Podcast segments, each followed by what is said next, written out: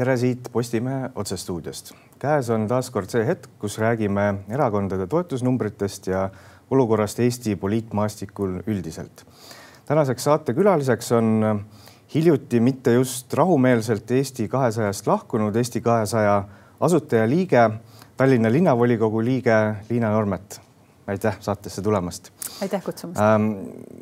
Liina liitus hiljuti sotsiaaldemokraatidega ja täna saates räägime temaga Eesti kahesaja saatusest, sotsiaaldemokraatide väljavaadetest, aga ka ütleme Eesti poliitika tervisest ja valitsuse tervisest laiemalt.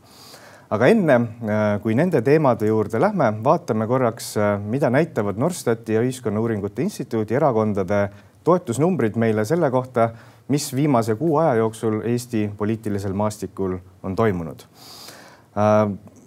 toetustabeli liidriks on ikka veel Reformierakond, viimase kuu aja jooksul on nende toetus äh, natuke kasvanud, natuke kahanenud, kahanenud just ennekõike viimastel nädalatel, kuid äh, suuri muutusi siin ei ole ja mõnevõrra üllatav on, et Reformierakond on suutnud Kaja Kallase jätkuva idavedude skandaali ja ka palju kriitikat pälvinud eelarve moodustamise protsessi taustal oma positsiooni hoida Reformierakonnale väga lähedal püsib EKRE, ka nende toetus on üpriski stabiilne ja tundub, et vähemalt praegu äh, neil selline hoog opositsiooni peamise erakonnana on natuke nagu seisma jäänud ja toetajaid kindlasti nad hetkel juurde enam ei võida.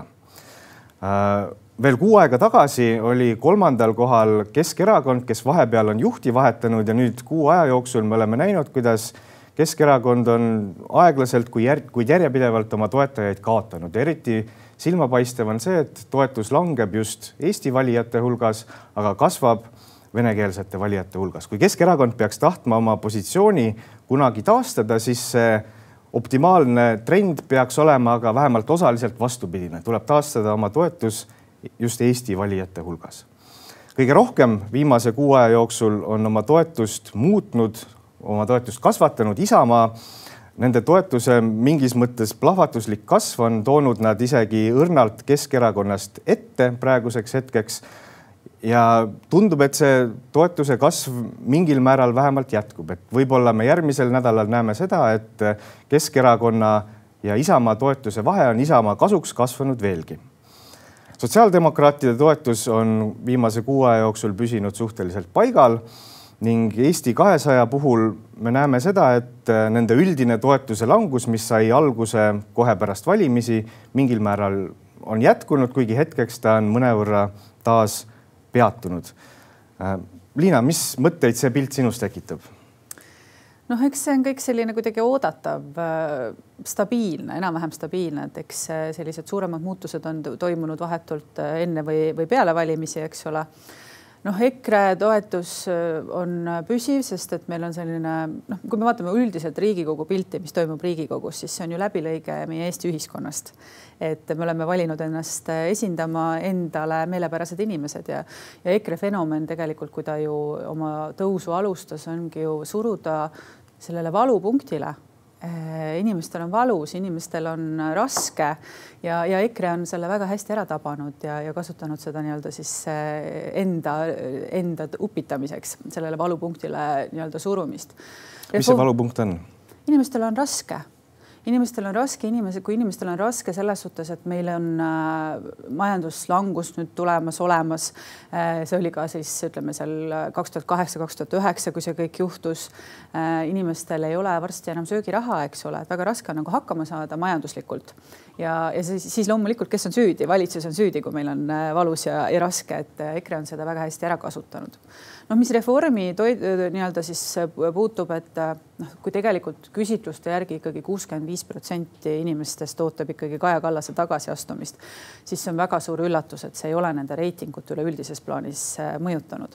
noh, loomulikult Reformil on äh, väga pikaajaline, stabiilne, usaldav valija, äh, nii-öelda true valija et see on selline siis Eesti keskmine inimene, kellel võib-olla nii valus ei ole kui sellel EKRE valijal ja, ja nende elu on suhteliselt stabiilne ja see peegeldub ka siis reformi toetuses, et äh, väga suurt alternatiivi nendele inimestele ei ole. Äh, Eesti kakssada oli tõusmas selleks alternatiiviks aga, aga näete ise sellest Eesti kahesaja reitingu langusest, et siis jäävad nad ikkagi sinna, sinna reformi taha, et praegu neil lihtsalt ei ole alternatiivi.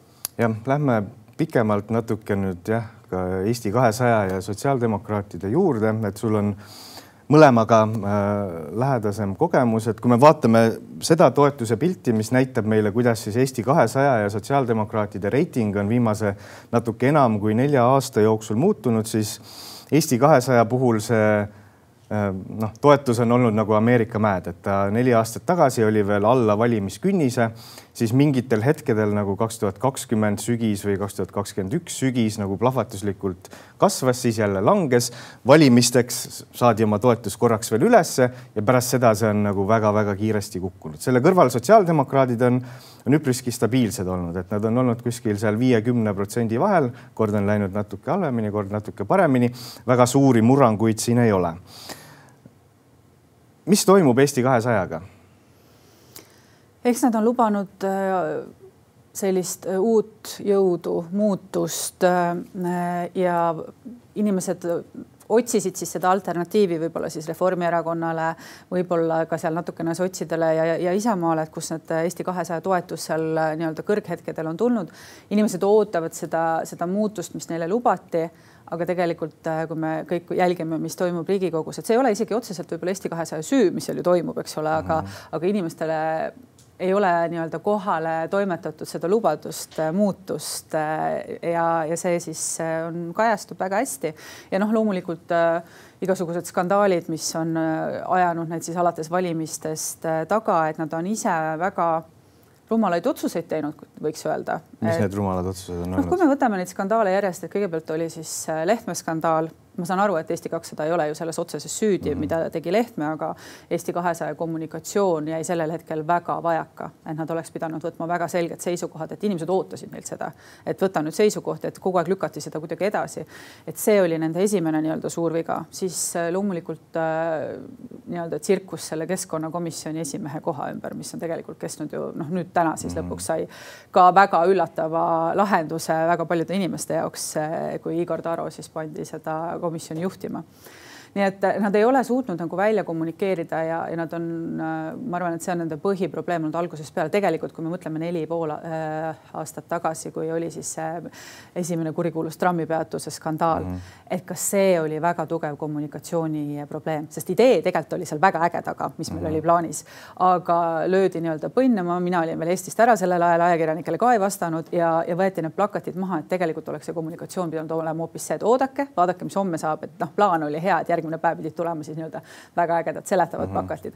aga noh, see ongi selline Eesti kahesaja põhiprobleem olnud äh, kommunikatsioon, et nad ei ole suutnud ennast välja kommunikeerida ja, ja teinud selliseid äh, ridamisi äh, võib-olla valesid rumalaid otsuseid ja valija ei ole andeks andnud.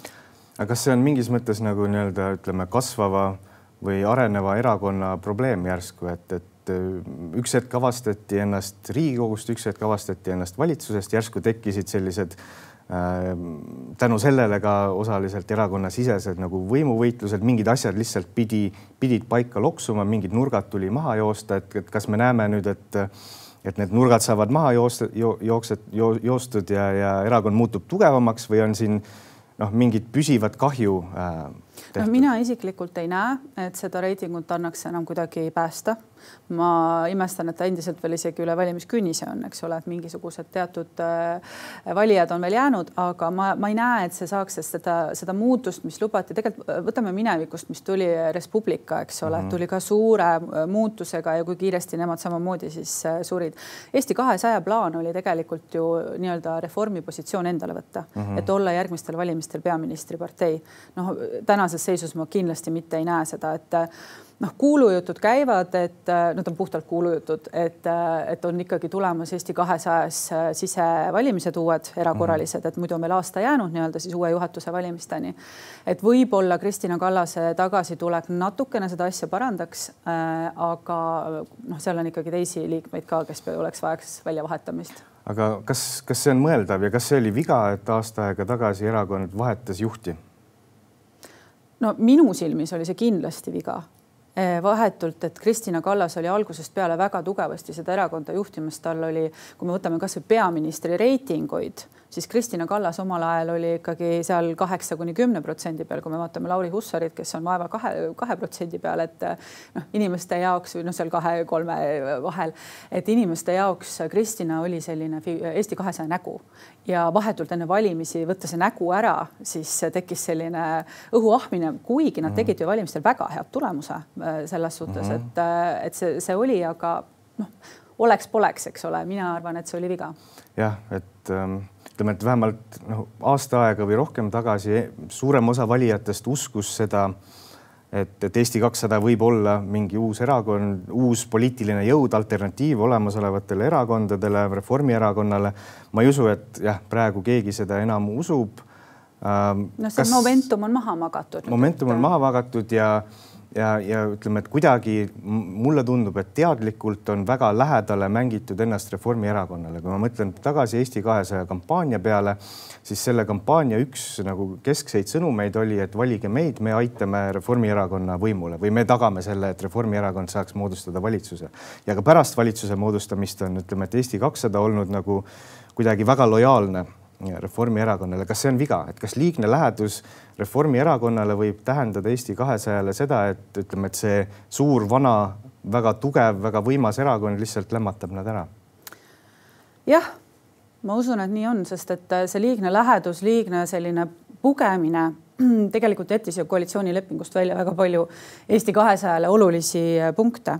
Ja võib-olla selline ka ministriportfellide jaotus, et noh, ma saan aru Kaja Kallasest, kes ütles, et meie tegime sellise tulemuse, enam ei ole võrdselt äh, nii-öelda valitsuses äh, ministreid, aga seal oleks kindlasti saanud äh, parema tulemuse välja mängida nii-öelda, et tegelikult ju Kaja Kallas on väga hästi käitunud ja ta teab oma võimu ja võib-olla on, ongi lihtsam neid väiksemaid nii-öelda siis äh, ära, kes, kellel ei ole veel kogemust mm, -hmm. ära nii-öelda süüa ja minu meelest Kaja Kallase poolt väga hea töö, et ta on ära lämmatanud Eesti kahesaja.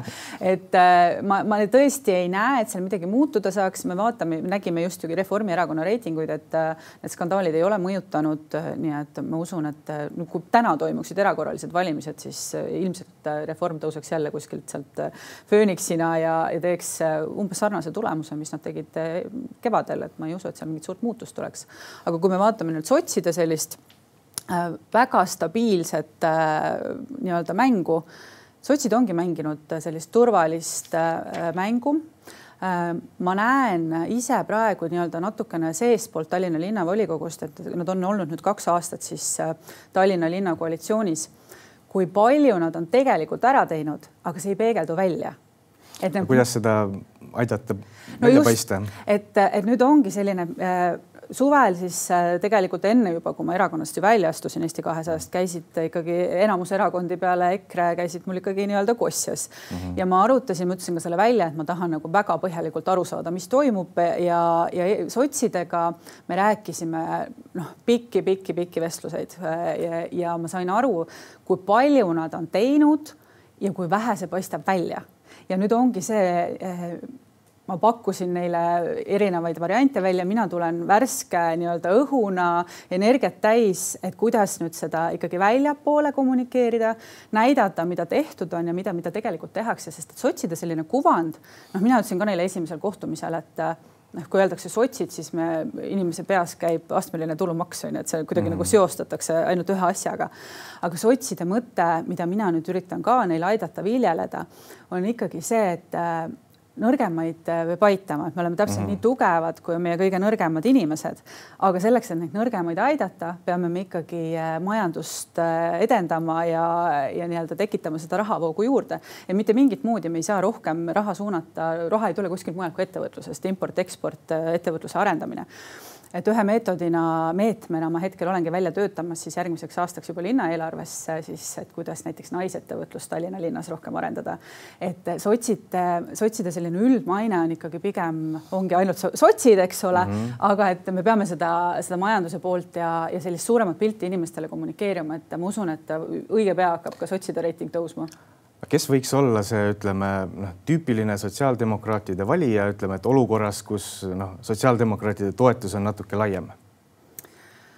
Ma arvan, et selline minusugune inimene, et kui ma päris ausalt mm -hmm. ütlen, siis kevadel, kui ma olin veel Eesti kahesaja liige ja tegin ka tegelikult aktiivselt, ma olin küll äh, Ameerikas ära, ma tegin ka seal mhm. aktiivselt mm -hmm. kampaaniat, ma olin väga lähedal, et sotse valida ise Eesti mhm. kahesaja mm -hmm. liikmena, sest sotsid on selline, nad ongi turvalised, kui me vaatame äh, igasuguseid skandaale või, või käitumismustrit, poliitkultuuri, siis sotsid on alati jäänud viisakaks ausaks, puhtaks, et et Reformis hakatakse ka vaikselt pettuma, et ma usun, et nii Reformi, Eesti kahesaja äh, kui ühel hetkel ka Isamaa languspöörd äh, tuleb tagasi, et siis, et ka sealt tuleb ikkagi nii-öelda seda valijat nendele juurde, et ma arvan, et ei ole üldse välistatud, et poole aastaga sotside reiting võiks seal neljateist, viieteist protsendi peal olla kui ma mõtlen nagu sotsiaaldemokraatide toetajate peale ja selle, ütleme, et kuvandi peale, mida vähemalt me üleüldiselt seostame sotsiaaldemokraatidega, siis minu jaoks seal ikkagi on selline kerge vastuolu, et ütleme, et sotsiaaldemokraatide selline tüüpiline valija ei ole ilmtingimata ühiskonnas nii-öelda kõige nõrgem.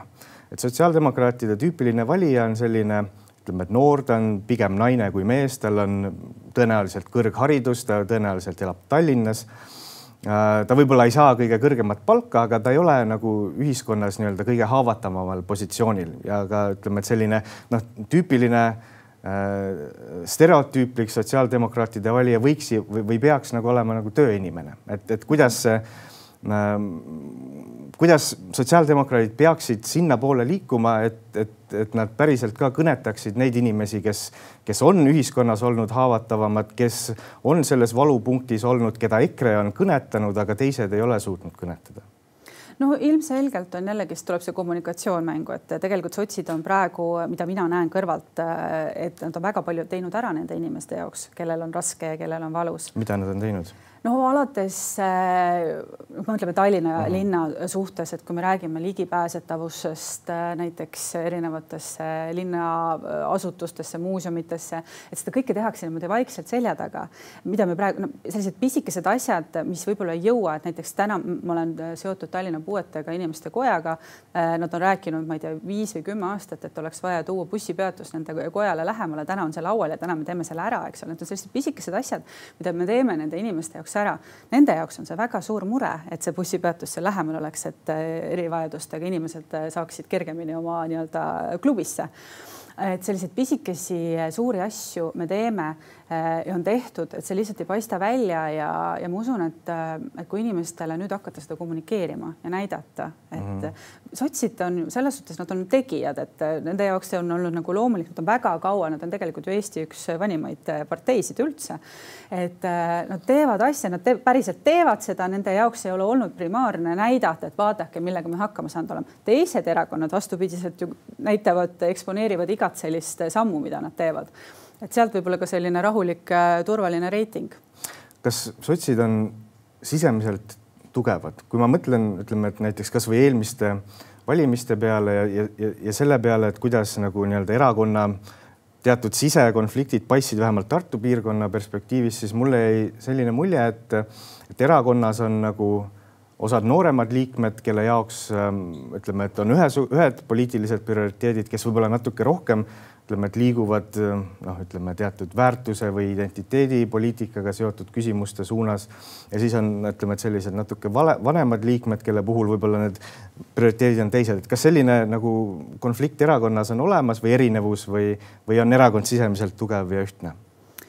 erakond on sisemiselt väga tugev, ma näen seda, ma olen kohtunud erinevate, kuidas ma nüüd ütlen siis nagu tiibadega erakonnast mm, -hmm. et on ju Tallinna tiib, kes tegeleb siis Tallinna linnavalitsuse volikoguga mm, -hmm. on üleüldine siis nii-öelda Eesti eh, tiim, juhatus mm. -hmm loomulikult on igas erakonnas, igas peres, igas kollektiivis mingisuguseid eriarvamusi, me ei ole, inimesed on nii palju erinevad, et me ei saa olla, et me oleme kõik eh, ainult ühe puuga löödud aga need erinevused ei ole nii suured, et see äh, kuidagi takistaks äh, nii-öelda tööd või tekitaks sisepingeid. mina, ma olen muidugi ka väga värske sotsides, et ma, ma ei ole täna näinud sellist äh, hõõrumist või, või konflikte, et pigem mulle tundub väga soe, mind on küll väga-väga-väga soojalt vastu võetud ja need inimesed on väga-väga toredad mm. -hmm Lähme korra teiste erakondade juurde veel tagasi, et Isamaa toetuse nagu väga-väga kiire kasv viimase kuu aja jooksul, kuidas seda seletada? Isamaa kasv on, teate, inimestel on, tekib see lumepalli efekt et kui järsku hakkab kuskilt see lumepall veerema, siis jääb nagu külge, et inimesed jälle otsivad mingisugust alternatiivi. et see Isamaa kasv on väga üllatav väga-väga üllatav, sest et tegelikult ei ole nad ju väga midagi minu silmis vähemalt positiivset teinud, et kui Isamaa kutsus mind laua taha, et Liina, tule meile siis ma nagu ütlesin ka, et ma tulen sinuga vestlema, aga räägi, et miks sa üldse kutsud mind, sest minu jaoks on nii suured väärtuskonfliktid äh, Isamaaga. mis need on? Äh, no kasvõi pensionisammaste vabastamine, et meie vananevas äh, haiges ühiskonnas, kus inimesed on nagu tervelt elatud eluaastad ainult vähenevad, siis me, me ei saanud lubada seda tegelikult, et see, mis kolmekümne, neljakümne aasta pärast ees hakkab ootama, see on nagu katastroof, mida Isamaa tegelikult tekitas. või siis peretoetused et kui, kui oli see suur äh, peretoetuste reform siin eelmisel aastal, siis äh, jäeti jätta siis ühe-kahe lapsega pered äh, täiesti tahaplaanile, et ainult kolmas laps on oluline, et selles suhtes oli see väga-väga, mul on endal ka kolm last, et ma ei, ei siis võidelnud nagu, kuidas ma ütlen, ühe või kahe lapse eest, eks ole, seal, et ma mulle tundus see väga suur väärtuskonflikt ja, ja mulle on jäänud ikkagi nagu mulje, et Isamaa on ikkagi puhtalt selline Parvel Pruunsilla nii-öelda käsuerakond, et tehakse nii, nagu öeldakse. et see tõus on väga-väga üllatav, ma ei usu, et see kaua püsib et ma arvan, et see tipp on käes, et ütleme seal kuueteist protsendi peal, aga lumepalli efekt, et inimesed tahavad saada seda, et seal toimub midagi huvitavat, miks tõuseb reiting. ma nüüd seekord ütlen ka, et Isamaa poolt. inimesed liiguvad Keskerakonnast praegu Isamaasse.